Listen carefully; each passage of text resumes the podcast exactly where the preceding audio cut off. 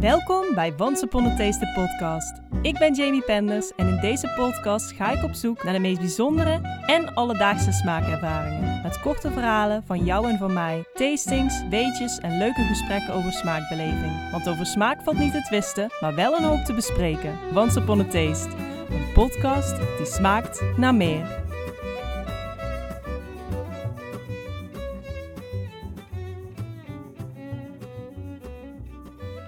Kijkje neemt op de Instagram-pagina van Hurlem Ferments, is overvloed het eerste woord dat in je opkomt. Mysterieuze, kleurrijke potten en flessen gevuld met fermentatie-experimenten. Met verse seizoensingrediënten uit de moestuin, gered van de afvalcontainer of verzameld in de natuur.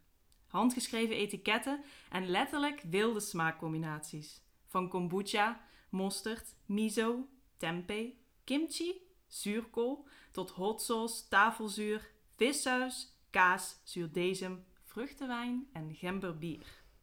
Alles uit de keuken van Nathalie Moens. En fermenteren kun je leren, want Nathalie geeft ook workshops om kennis over fermentatie door te geven en mensen te bekrachtigen om het zelf te doen. Ik ben vandaag in Arnhem en ik ben heel blij dat ik vandaag te gast mag zijn bij Nathalie Moens uh, om meer te weten te komen over de wonderlijke wereld van fermentatie. Uh, Nathalie, dankjewel dat ik hier mag zijn. Ach, jij dankjewel. Wat een introductie. ja, heb ik het goed voorbereid? ja, zeker.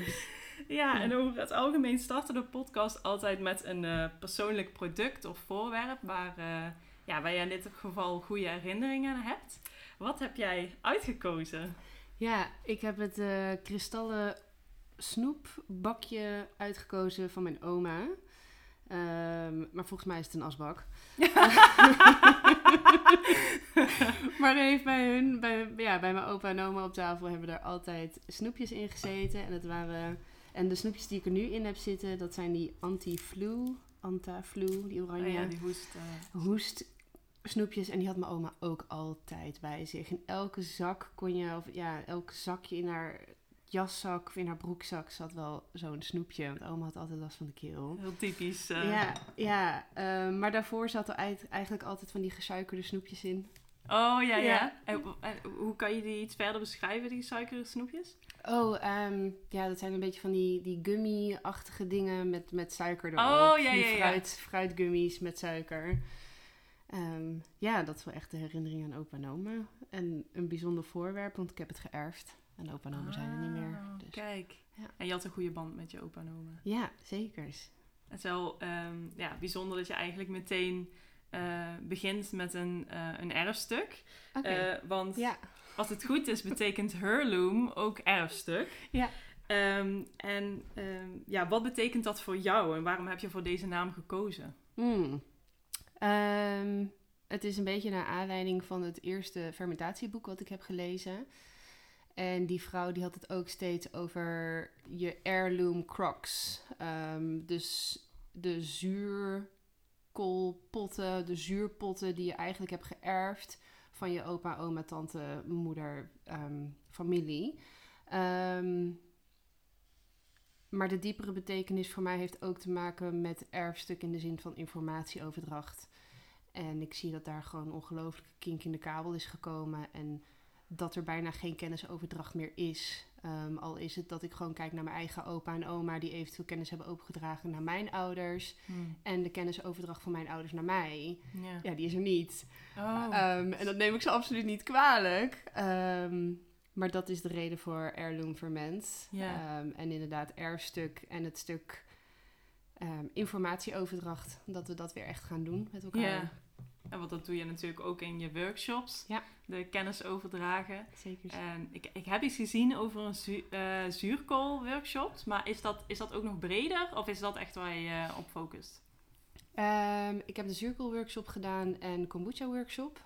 Um, en de zuur, in, binnen de zuurkool workshop leg ik heel eerst dingen uit over, uh, over fermentatie, over melkzuurfermentatie. Um, en dan laat ik ook veel dingen proeven. Dus dan proef je kimchi, een mosterd, proef je ook kombucha. Als ik waterkefir heb, waterkefir. Um, en dan soms, soms de random dingen waar ik mee aan het experimenteren ben. Dat oh, mensen denken, oh, oh, meteen een okay, kijkje in de is, keuken. Ja, ja, dat is interessant. um, soms gaat dat net iets te ver voor mensen en soms eh, ja, komt dat wel goed aan. Ehm, en, de, en, en dan zelf de zuurkolen proeven, de verschillende smaakjes die ik heb toegevoegd. Ehm, en dan is het zuur, zelf zuurkool maken. En voor mij gaat die kennis ook heel erg over doen en uh, die gnosis van het doen.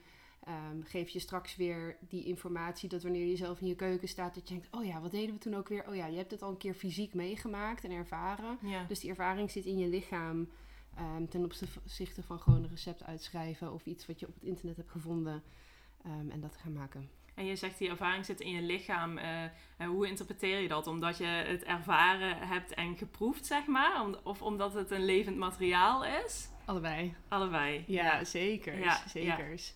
Ja. Um, maar ik bedoelde hem vooral in de zin van... je hebt nu de ervaring gehad van het maken. Ja.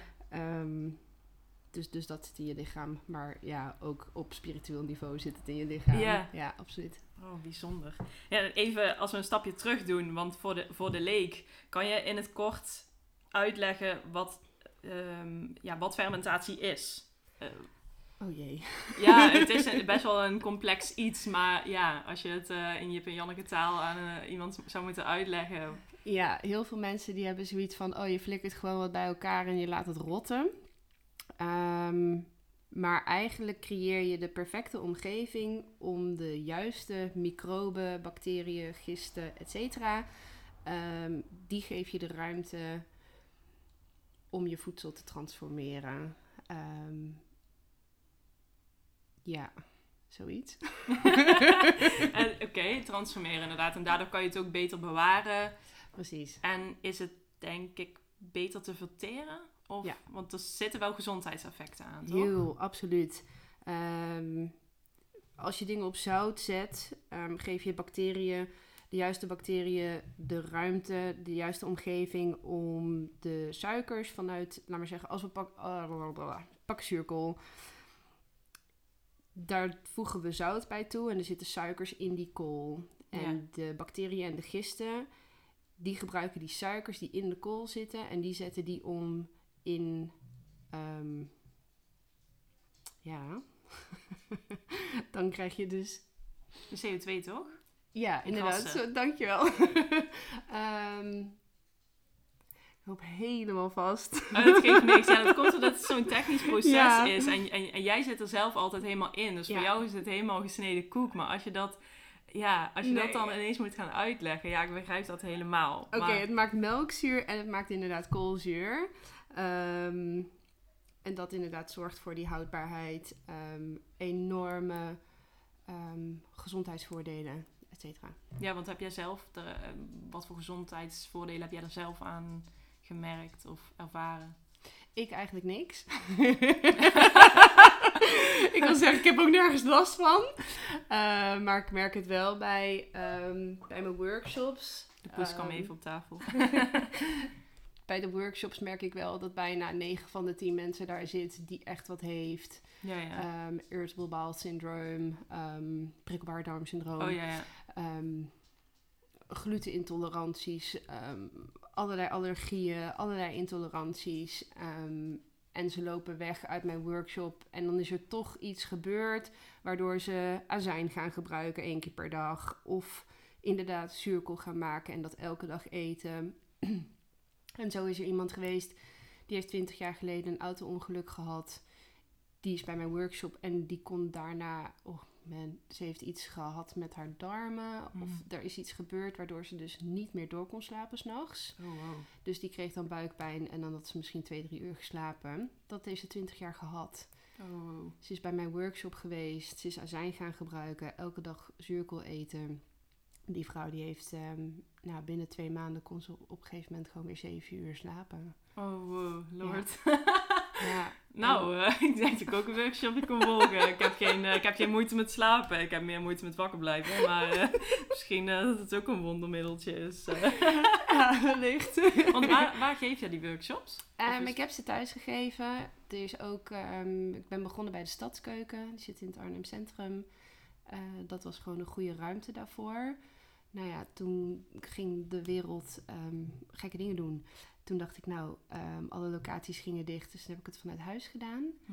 Ehm, maar ook daar zaten, ja, daar begon te wrijven dat mensen toch anderhalf meter ruimte wouden. Oh ja, eh, niet te grote groepen. ja, En toen dacht ik, oké, nu ben ik er klaar mee. ja, dat snap ik. Dus ik ben er ook inmiddels mee gestopt. Ja. Maar het is, het is niet zozeer van de baan dat ik het nooit meer ga doen. ja, meer als, je, als mensen al een groep hebben, van kom je dan bij ons thuis? Of, eh, Absoluut, sta ik ja. helemaal voor open. Ja. Precies. Ja, het is vaak een heel georganiseerd. Je hebt leuke ideeën en je, ja. Ja. dat is misschien met kennisoverdracht een beetje, ja, waar het ook op kan stuk lopen. De, de organisatie daarvan. Ja. Ja. Ehm, ja, jij zit echt niet diep, zeg maar, in de fermentatie. Want als ik op jouw Instagram-account kijk, dan, nou ja, wat heb je niet gemaakt, denk ik dan? Alles wat je kunt fermenteren, daar staat wel een project van op. Je hebt het uitgeprobeerd. Maar waar is deze passie voor fermentatie ontstaan? Oh jee. Ehm, ontstaan. Ehm, ik zit bijna al zes jaar thuis. Ehm, ik ben drie jaar geleden, misschien vier jaar geleden, drie jaar geleden, drie jaar geleden ben ik naar Portugal gegaan voor een permacultuurcursus. Ehm, het bleef op mijn pad komen. En op een gegeven moment dacht ik, oké, ik ga een cursus boeken. Volgens mij moet ik in Portugal zijn hiervoor. Ehm, en in de laatste week van die twee weken cursus hebben we een, een fermentatieworkshop gehad. Waar ik eigenlijk ook al heel veel zin in had. Ja. Eh, we hebben toen zuurkool gemaakt. ehm, en dat is blijven hangen. Ik kwam terug uit Portugal en ik dacht... Wat kan ik nu doen met permacultuur binnen mijn bereik? Veel van de permacultuur dingen die in Nederland gebeuren... gebeuren in het westen. Niet in het oosten. Niet in Arnhem. dus ik dacht, oké, wat kan ik... Weet je, en dat is ook onderdeel van permacultuur. En de principe is gewoon... Kijk naar kleine oplossingen. Ehm, dus de kleine oplossing was, ik zat al bij een, voedsel, een zero waste voedselproject. Daar krijg ik wekelijks een heel groot groentepakket. Zoals ja, die hier staat en daar Ja, staat. ik zag voor de deur inderdaad toen ik binnenkwam. Ik dacht, hier moet ik denk ik zijn. Want hier staan kratjes met eh, groenten. Ja, ehm, en er is zo'n overvloed dat, dat, ja, daar...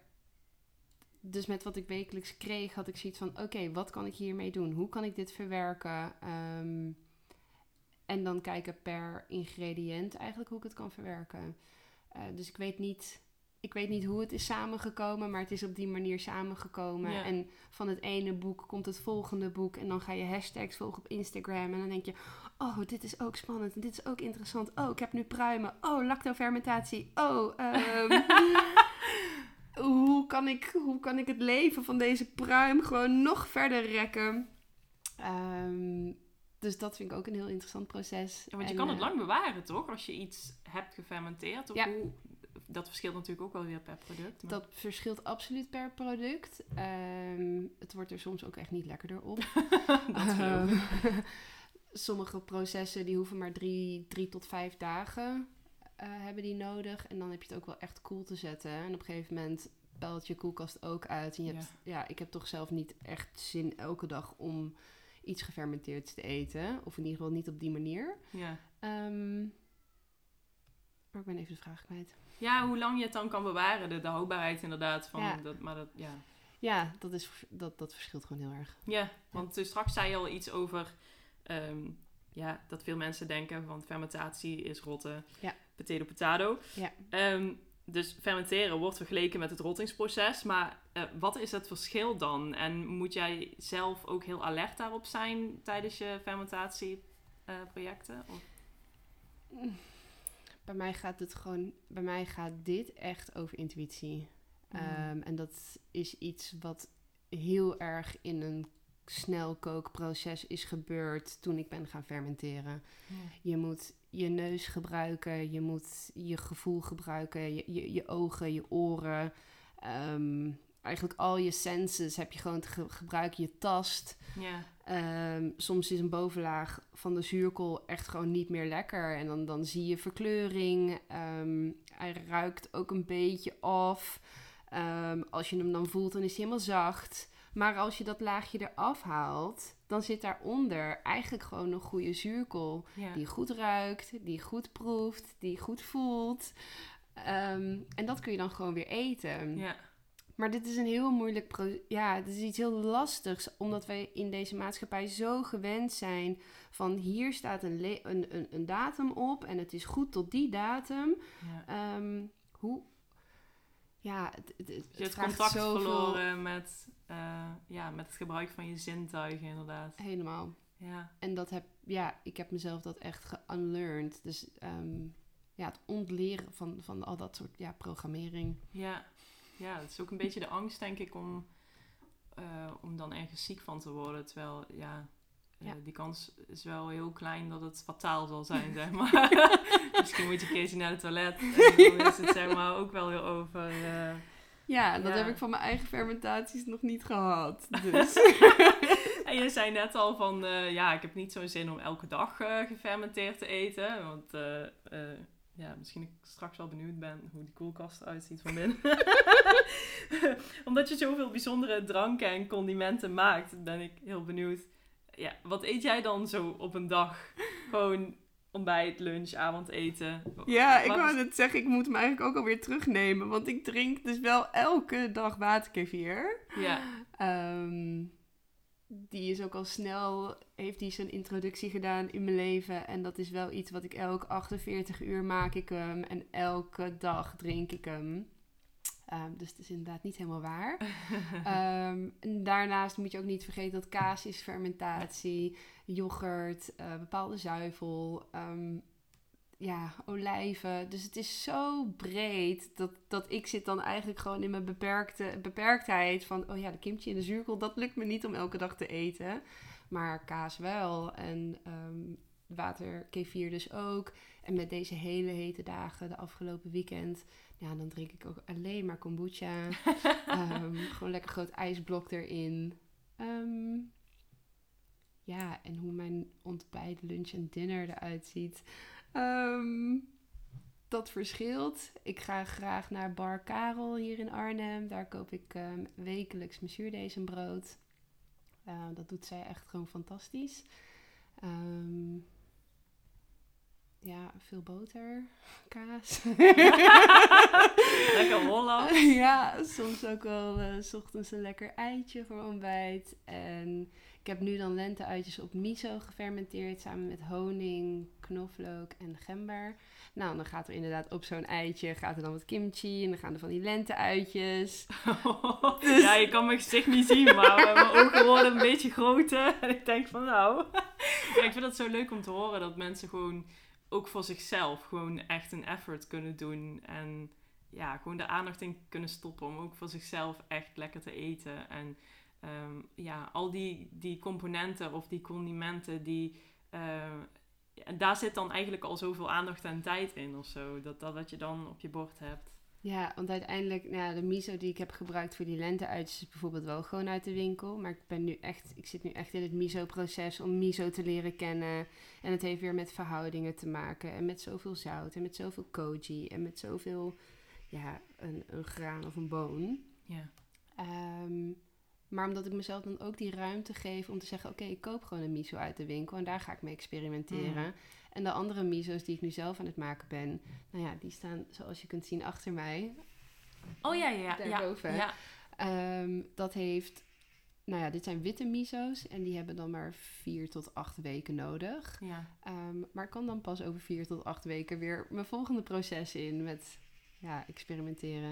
En- Omdat je dan een soort van moeder daarvan moet gebruiken. Een startstukje of niet? Of Eh, waarom? kan, maar deze leven. Hmm. In de zin van dat wat ik heb gekocht in de winkel is gepasteuriseerd. Ah, ja, ja, ja. Ehm, en dit is live en hier zit mijn energie in. Ja, Ehm, ja want als je yoghurt, eh, over het algemeen, als je yoghurt in de supermarkt koopt, dat is ook, daar zitten geen, als het goed is, geen levende culturen meer in, toch? Nee, wordt allemaal toegevoegd. Ja, volgens mij is er wel één merk, Pure Natuur. Die koop ik wel eens. Die, daar zou je zelf opnieuw gewoon meer yoghurt van kunnen maken. Ja, backslapping. Ja, maar over het algemeen eh, denk je dat je goed bezig bent. ja, want dan, eh, ja, dan verdient eh, het bedrijf daar niks meer aan als jij je eigen yoghurt gaat maken. Los daarvan of je daar überhaupt zin in hebt. Want Ja. ik denk dat het gros van de mensen daar geen zin in hebben. Maar ja, best wel jammer eigenlijk. Ja, absoluut. Ja, dat, dan is het, ja, is eigenlijk dat grote gezondheidsvoordeel is, dan valt dan gewoon weg. Ja. Ja, uit massaproductie, denk ik toch? Ja. En ook om, het is denk ik ook afgedood door het proces, denk ik. En een stukje houdbaarheid natuurlijk. Ehm, ik zou heel graag alleen maar rauwe melk, rauwe melk willen drinken. En ik wil dat eigenlijk gewoon dat dat beschikbaar is in de supermarkt. Ja, en dat heeft te maken met tuberculose. Want dat heb ik geleerd laatst. ik was in het prehistorisch dorp. en daar vertelden ze dus inderdaad dat ze zijn begonnen met, eh, eh, met pasteurisatie eh, in verband met de, ja, de tuberculose, die vroeger nog heel erg. eh, eh, nou ja, dat was gewoon een dodelijke eh, ziekte. ziekte. Ehm, ja, en daarom zijn ze dat eh, veiliger gaan maken. En het is niet zo dat als je rauwe melk drinkt dat je meteen tuberculose krijgt. Maar dat werkt op dagelijkse basis. Eh, en ook andere, de hygiëneomstandigheden waren Ja. vroeger gewoon heel anders. Dus eh, ja, nou, mijn stiefvader eh, heeft een eh melkveehouderij. Binnenkort gaan ze wel stoppen na zoveel jaar. Maar eh, ja, het is wel echt de charme dat je inderdaad Ja. verse melk kunt tappen. En ja, het is gewoon bijna slagroom. Ja, ja, dat, het heeft wel zijn charme, ja. En, en helaas is dat een beetje een uitstervend ras, de boer. Ja. Ja, dus... ja. Dan vroeg ik mij af... Jij maakt heel veel, je fermenteert heel veel, maar is er een heel bijzonder fermentatieproject waar je, ja, waar je gewoon heel trots op bent of wat je extra bijzonder vond? Hmm.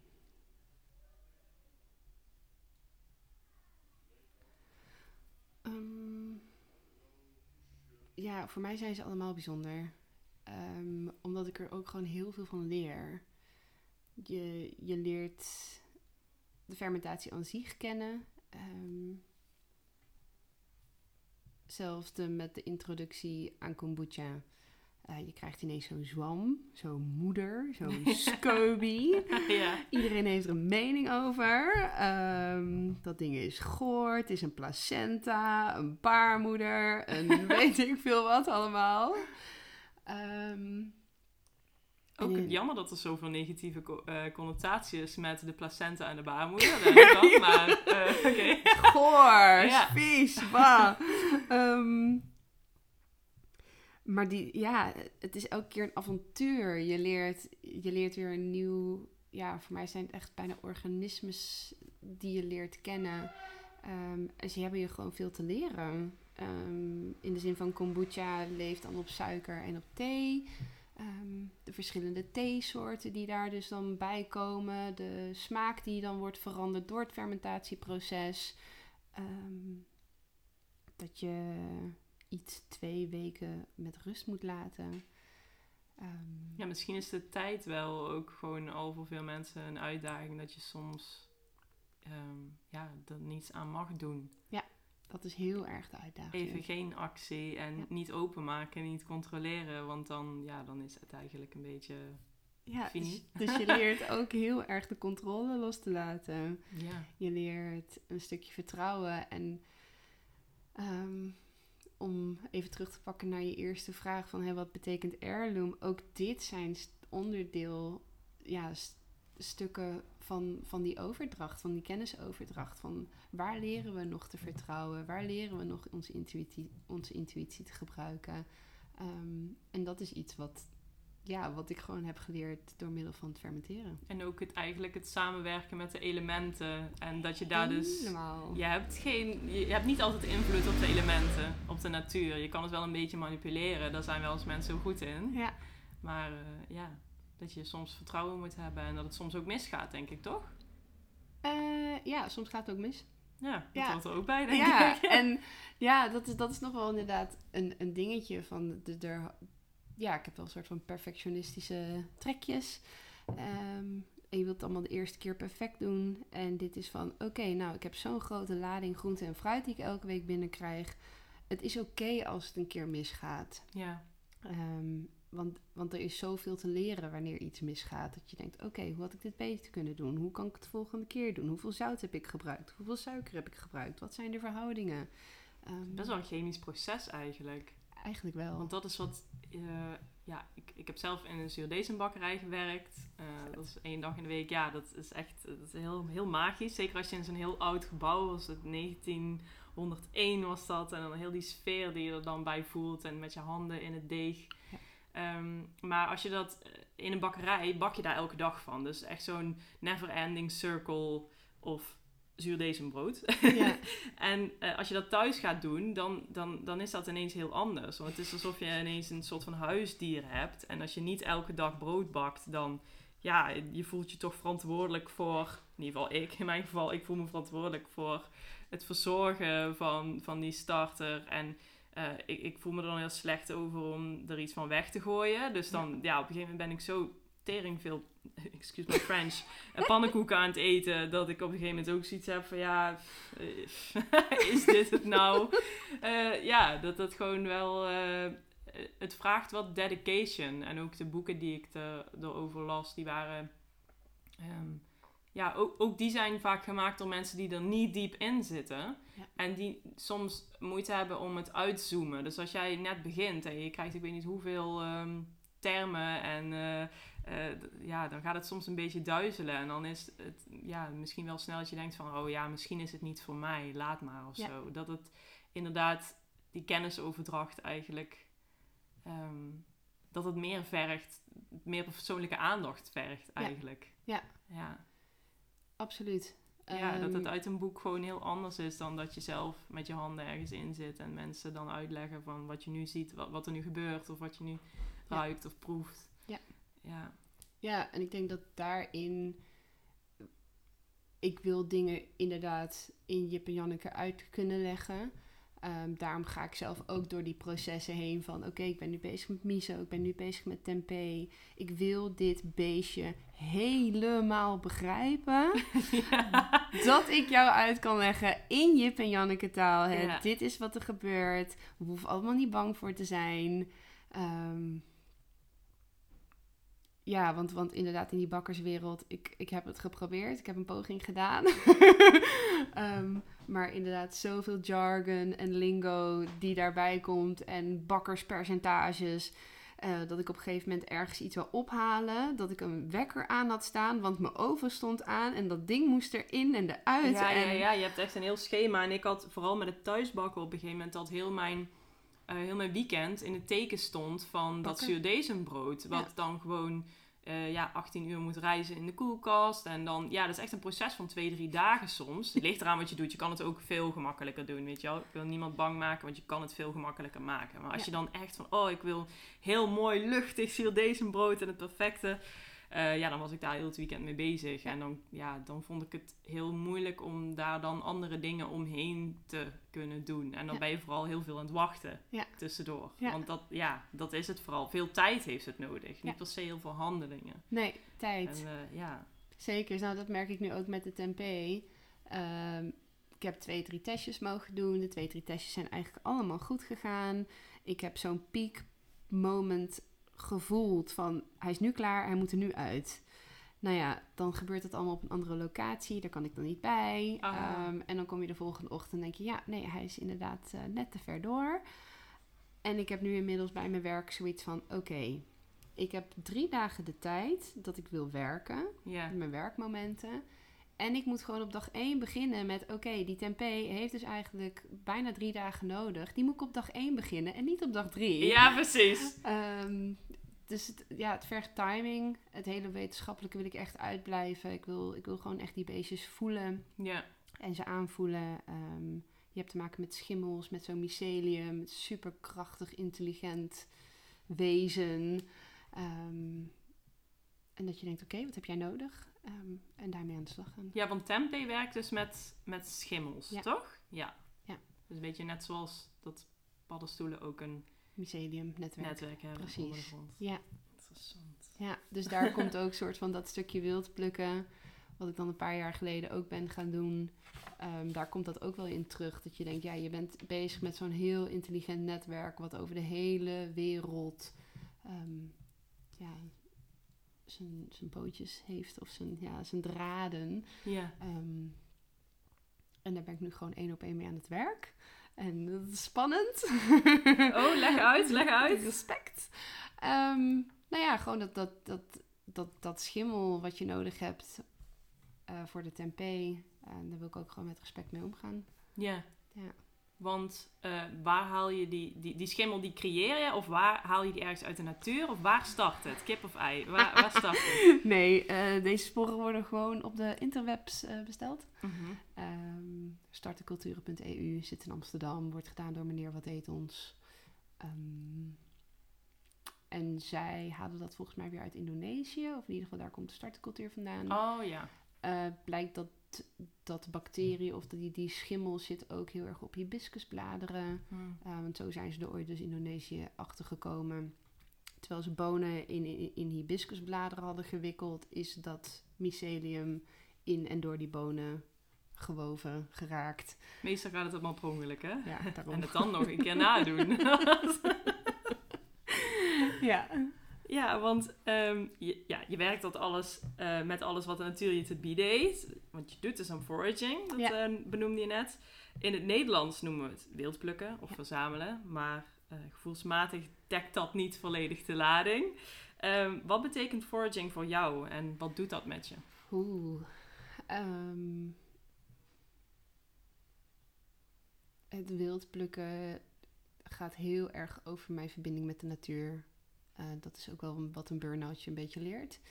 Ehm, dat je zo ver verwijderd bent van de natuur, je eigen natuur. En daar heb ik een soort van reconnectie in gevonden. Ik ben herverbonden met de natuur. Ehm, waar mijn moeder vroeger ook wel eens vertelde over... Ja, we konden met jou bijna gewoon geen stuk fietsen. Want jij was alleen maar bezig met je hoofd in de berm. Een soort van letterlijk en figuurlijk. Dat ik ook echt gewoon dijkjes af ben gefietst en in de berm lag. Dat ik denk, oh oké, het heeft eigenlijk altijd al ingezeten. Dat Ja. ik bezig ben met die berm en wat staat er allemaal in. Ehm, van, van brandnetels tot ja, allerlei wilde kruiden die we gewoon kunnen gebruiken. eh, die in het dagelijkse toepasbaar zijn. Of je ze nou eet, of dat je er een zalf van maakt, of een aftreksel. Of ja, hoe en wat dan ook. eh, die kruiden in, ons, ja, in onze directe omgeving hebben ons gewoon heel veel te vertellen. Ja. Want ehm, ja, door op regelmatige basis de natuur in te gaan, op zoek naar noten, zaden, eh, bessen, paddenstoelen, eh, zie je ook per seizoen en per jaar eh, van dichtbij wat de verschillen zijn. Ja. Zie jij door, door jouw connectie met de natuur gedurende de jaren ook ja, opvallende verschillen ontstaan? Hmm. Nou ja, je bent inderdaad bezig met, die, met de elementen. Je bent bezig met die seizoenen. Eh, dit, dit kunnen we nu plukken, dit kunnen we nu plukken.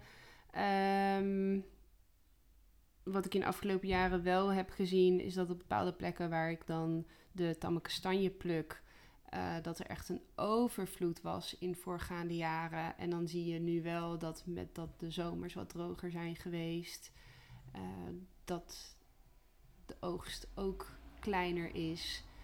Ehm, ik weet niet of die minder groot is. Dat durf ik geen uitspraak over te doen. Maar het is wel elke keer zo observe en interact. Wat ook binnen permacultuur een principe is. Dus je blijft gewoon observeren. En ik probeer er niet te veel conclusies Ja, ja, uit te trekken. de natuur doet zijn ding. ja, ja, zeker. En ehm, eh, ja, door, door te wild plukken neem je dus ook ehm, ja, uit de natuur. En jij geeft aan dat je daar eigenlijk met veel respect en bewust mee omgaat. Maar waar hou je dan allemaal rekening mee? Ehm, ik hou rekening met de staanplek van, van bepaalde struiken of bomen. Ehm, je kijkt naar hoeveel staat er in de omgeving. Ehm, mijn omgeving is Sonsbeek, Siependaal, soms meer richting de Veluwe. En dan kijk je gewoon, oké, staan hier, staat hier één boom of staan hier tien bomen? Ehm, en wat neem je dan mee? En waar ik rekening mee hou is eh, de dieren in het bos. Ehm, en het is ook heel erg voor mij van take what you need and not what you want. Hmm, Ehm, want er is nooit genoeg voor ons ego. Nee, dat is. Ja, ik heb wel eens gezien dat nog in het Facebook-tijdperk dat iemand echt een volle zak met paddenstoelen Ja. Geplukt had. En jongens, kun je deze eten? En dat ik dacht, waarom vraag je dat niet voordat je ze plukt? Want Ja. dit is echt een enorme zak. Ja. Ehm, ja, en dat is dan, it goes to waste. Ja. Ja. of je moet het inderdaad teruggeven aan de natuur. Volgens mij Stix in een van zijn nummers zegt hij, er is genoeg.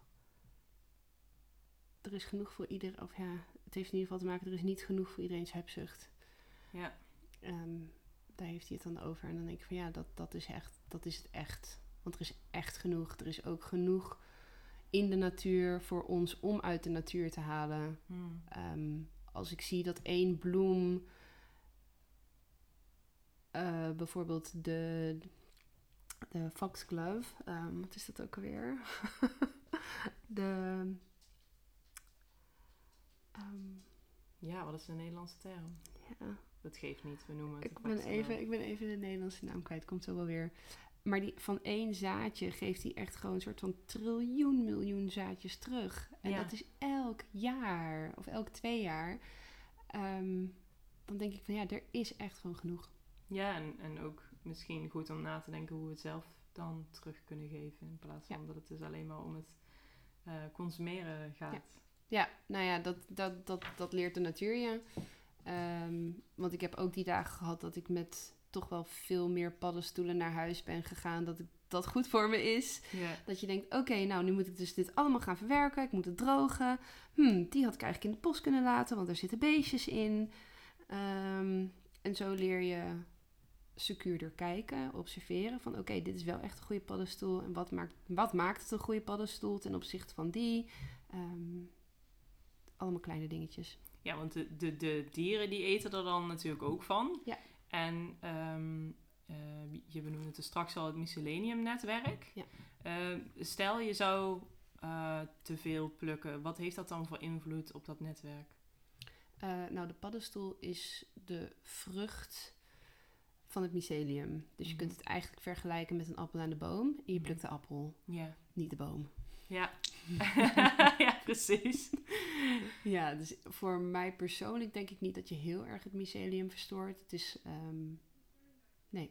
Oké, nou dat is in ieder geval een positieve noot daaraan.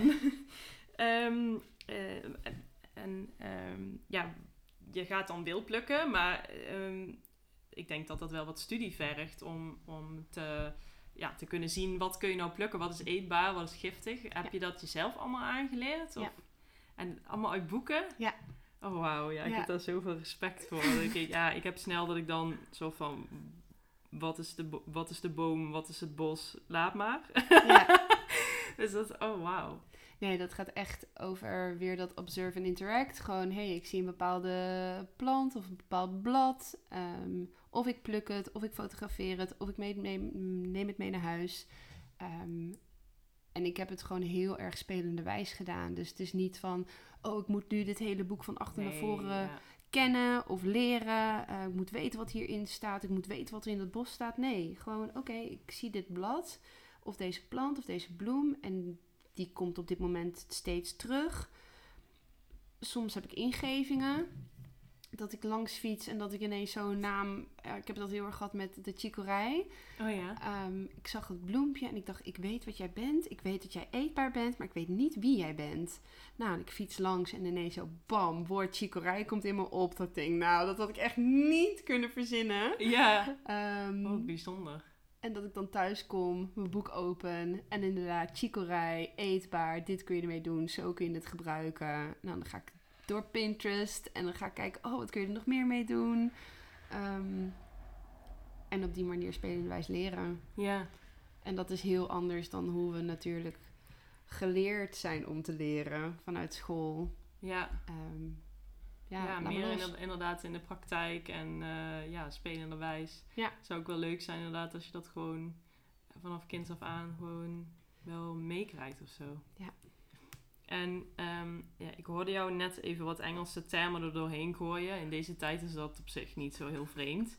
Ehm, maar ik las dat jij ook deels bent opgegroeid in Zuid-Afrika. Klopt. Heeft dat jouw culinaire opvoeding eh, gevormd tot hoe je nu leeft? Ehm, nou, in die zin. Zuid-Afrika heeft wat minder pakjes en zakjes. En al helemaal als we het over 1997 hebben. Ehm, dus mijn moeder die moest af van de pakjes en de zakjes en de potjes. Dus die heeft daar heel erg haar eigen culinaire reis gemaakt. Van echt gewoon vanuit de basis gaan koken. Ja. Ehm, we hebben heel veel kookprogramma's gekeken. Heel veel Jamie Oliver. Ehm, maar ik kan niet zeggen van, oh, mijn culinaire reis is daar begonnen. Maar ik denk in de basis dat mijn moeder toch echt wel elke dag heeft gekookt. Ja. Dat is wel een bepaalde basis. Ja. Ja. En ook, eh, ik zag dat je daar de, de skottelbraai of de boven open vuur of zo eh, eh, garen. Is dat iets wat daar heel erg een ding is? Of? Zeker. En mijn, eh, mijn zwager is ook echt gewoon een super topbraaier. Ehm Want hij woont nog daar? Of- Ja, mijn familie, ja, mijn zusje en mijn ouders die wonen daar. En dan heb ik een ander zusje nog in Duitsland.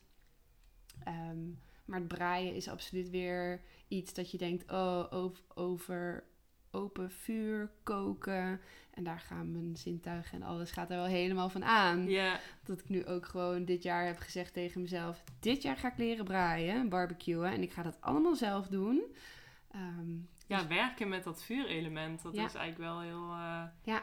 ja, bijzonder eigenlijk. eh. Absoluut. En dan kom je toch ook weer bij roken en garen. En ehm, Het is ook wel weer een verlengstuk inderdaad van, van alles wat je al doet. voor mij wel. Ja. Ja. Oh, interessant. ja, is echt aanstekelijk, want ik zag, ik zag jouw pagina, eh, eh, ik volgde je al een tijdje en dan, ik weet niet, bij sommige mensen gaat het gewoon helemaal kriebelen. Dan denk ik van, oh, die maken zulke mooie dingen. En ja, ik weet niet, daar moet dan gewoon een verhaal achter zitten. Er moet meer eh, achter zitten. Dus dat vind ik heel leuk dat ik daar een soort van, eh ja, inkijkje inkijk eh, op deze manier. En ook alle luisteraars in dit geval. Zeker. Ehm, eh, ik vroeg me af, heb je ook een, eh, een favoriete wildplukvondst? Is er een bepaald kruid wat je extra lief is of iets? Hmm, het eerste wat in me opkomt is de vlier. Ehm, het vlierbloesemseizoen is nu een beetje, komt het ten, ja, het bloesemseizoen komt ten, ter einde. Ehm, het is een hele magische struik. Het is een pioniersstruik. Ze zeggen dat de geest of de ziel van oude heksen in de struik oh, leeft. wauw. Ehm, en dat je eigenlijk ook altijd even de heks moet laten weten dat je komt plukken. Oké. Ehm, en een soort van toestemming moet vragen. Ehm, ja, dat is voor mij een hele Dat bijzondere. zo, ja, eh, zeker. ja. En, en je zegt pionierstruik. Eh, Ja. wat bedoel je daarmee? Eh, met pionierstruik bedoel ik ehm, dat is weer het stukje permacultuur. Als je van grasland naar bosrand naar bos gaat, ehm, dan is de vlier, net zoals de wilg, een boom slash struik die zich makkelijk kan settelen in een nieuwe omgeving. Ah. Dus ja. dat zijn je eerste struiken. En vanuit dat kan er weer iets anders groeien, eh, wat groter wordt. En dan krijg je uiteindelijk het bos. Ehm, maar dat vind ik wel, ja, ik vind dat wel mooi. Oh, wauw, wat gaaf. Ja. Ja, voel je jezelf daar ook mee verbonden? Want eh, ja, ik bedoel, eh, ik zit nu in een ruimte met eh, ja, potten met kombucha, met scobies erin, met dus van die vieze baarmoederzwammen, zoals sommige mensen dat noemen. Ja, ik ben het daar niet mee eens, maar goed. Potten met miso, met kruiden. Ehm, ja, is dat iets waar je mee verbonden voelt? Absoluut. Met die term heks zijn? Ja, ja ehm, ik heb er heel veel moeite mee gehad. Omdat er toch nog echt wel een hele negatieve lading op zit. Dus dan heb je het al snel over kruidenvrouw. Ja. Ehm, maar dat ben ik absoluut. Ja, maar dan is het inderdaad ook gewoon dat. ehm, ja, je gaf dus straks aan dat je als kind eigenlijk al heel erg in touch met de natuur. Maar dat het toch op een moment komt of zo dat je het gevoel hebt dat je iets moet verbergen. Of dat je in een ander. Dat je jezelf in een ander malletje wil proberen te passen. Wat Ja. eigenlijk. eh, ja, wat niet gaat. Dat je eigenlijk dat vierkantje door dat rondje probeert eh, met Absoluut. harde hand. Ja. Ja. Hmm. Kijk. Ja, dan kom je er toch na je dertigste een keer achter dat, het, ehm, ja, dat je gewoon een vierkantje mag zijn. Ja, precies. Ja. Ja, ja, dat is wel heel herkenbaar. Ik heb zelf ook een burn-out gehad en ik heb het gelukkig niet zo ver laten komen dat ik eh, echt helemaal niks meer kon. Maar eh, ja, dan kom je jezelf wel tegen in hoeverre je jezelf probeert te vormen naar, ja, naar gewoon standaarden die niet passen. Ja. En dat het misschien ook wel mooi is als steeds meer mensen eh, zich dat realiseren, dat het ook anders kan. Of dat het misschien niet hoeft zoals het je wordt aangedragen of Ja. opgelegd. Zeker. Ja, en ik denk dat dat natuurstuk daar ook wel gewoon een mooi onderdeel van is. Dat als je eh, de natuur opzoekt, eh, hoe klein of groot dat ook is, eh, ja, dat je daarin kan thuiskomen. Of dat je, daarin tot, dat je daar echt jezelf mag zijn. Je Ja. hoeft je niet te bewijzen aan de natuur. Dan Nee. mag je gewoon zijn. Ja. En ja, dat. ja, dat is het helemaal. Ja. Ik wil even zeggen, conclusie, gewoon zijn. Ja, gewoon zijn Ja. inderdaad. En ja, ik denk dat eh, de natuur een beetje onze grootste ally is. Alleen dat wij eh, dat zelf niet zo tegen moeten werken met z'n allen. Ja. En eh, dat het zoveel te bieden heeft eigenlijk. Ja. maar dat je zelf de schoonheid daarvan moet kunnen inzien. Ja. Ja. dat brengt mij eigenlijk, die mooie conclusie, was echt zelf, brengt mij aan het einde van, eh, van deze podcast. Eh, ik wil jou bedanken, ehm, Nathalie, dat ik hier mocht zijn. en het delen van jouw openhartige verhaal en al jouw kennis. Dank je. En alle luisteraars bedankt voor het luisteren. Neem vooral een kijkje op de Instagram-pagina van Nathalie Moons at Heirloom Ferments voor meer fermentatie-inspiratie. Eh, het is super leerzaam en inspirerend eh, om een kijkje te kunnen nemen in haar keuken vol met fermentatie-experimenten en forage finds. ja, dankjewel. Dankjewel.